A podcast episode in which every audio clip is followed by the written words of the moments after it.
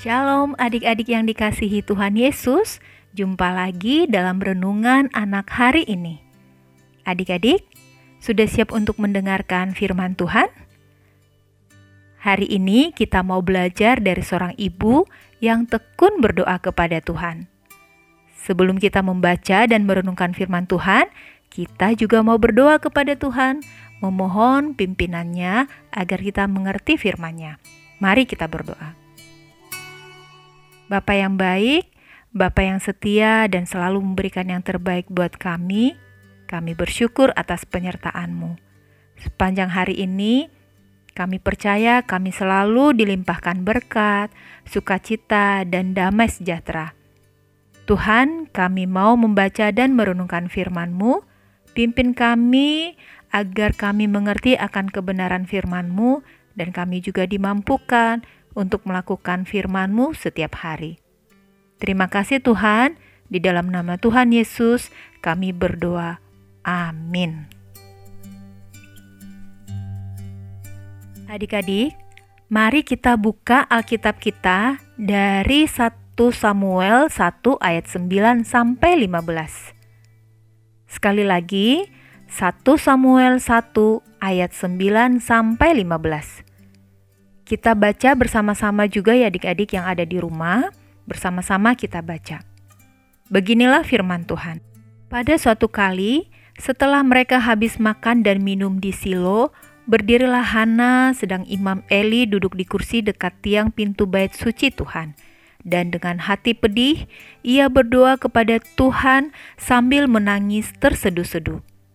Kemudian bernazarlah ia katanya, Tuhan semesta alam, jika sungguh-sungguh engkau memperhatikan sengsara hambamu ini dan mengingat kepadaku dan tidak melupakan hambamu ini, tetapi memberikan kepada hambamu ini seorang anak laki-laki, maka aku akan memberikan dia kepada Tuhan untuk seumur hidupnya, dan pisau cukur tidak akan menyentuh kepalanya.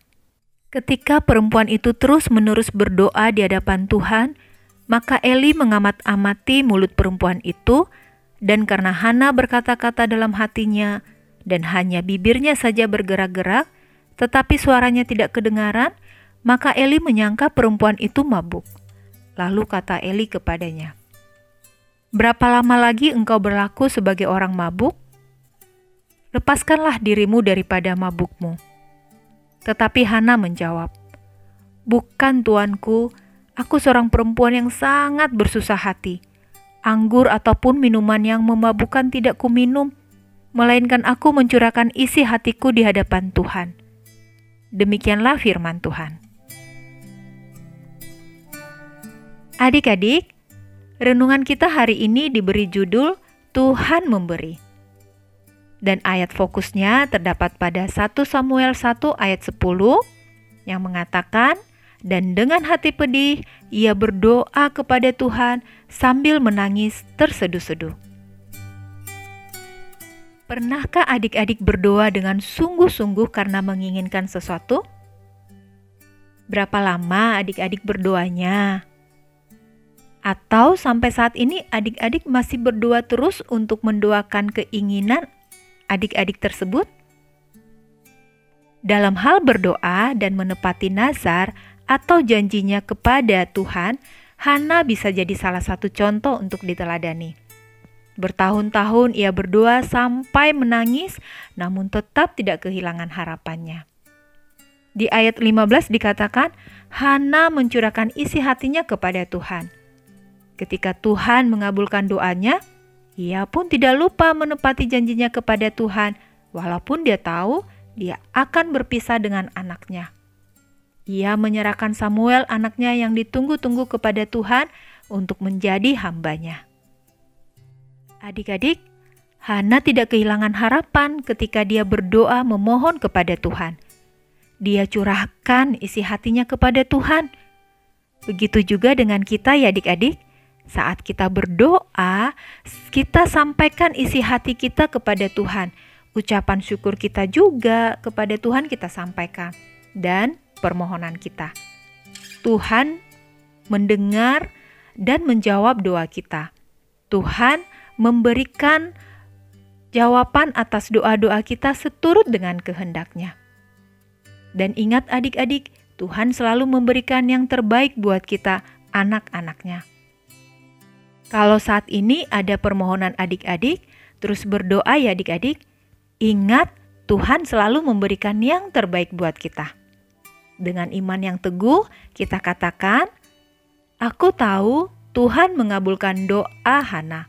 Tuhan juga menjawab doaku dan memberi yang terbaik buatku. Sekali lagi ya adik-adik, dengan sungguh-sungguh kita imani, aku tahu Tuhan mengabulkan doa Hana, Tuhan juga menjawab doaku dan memberi yang terbaik buatku.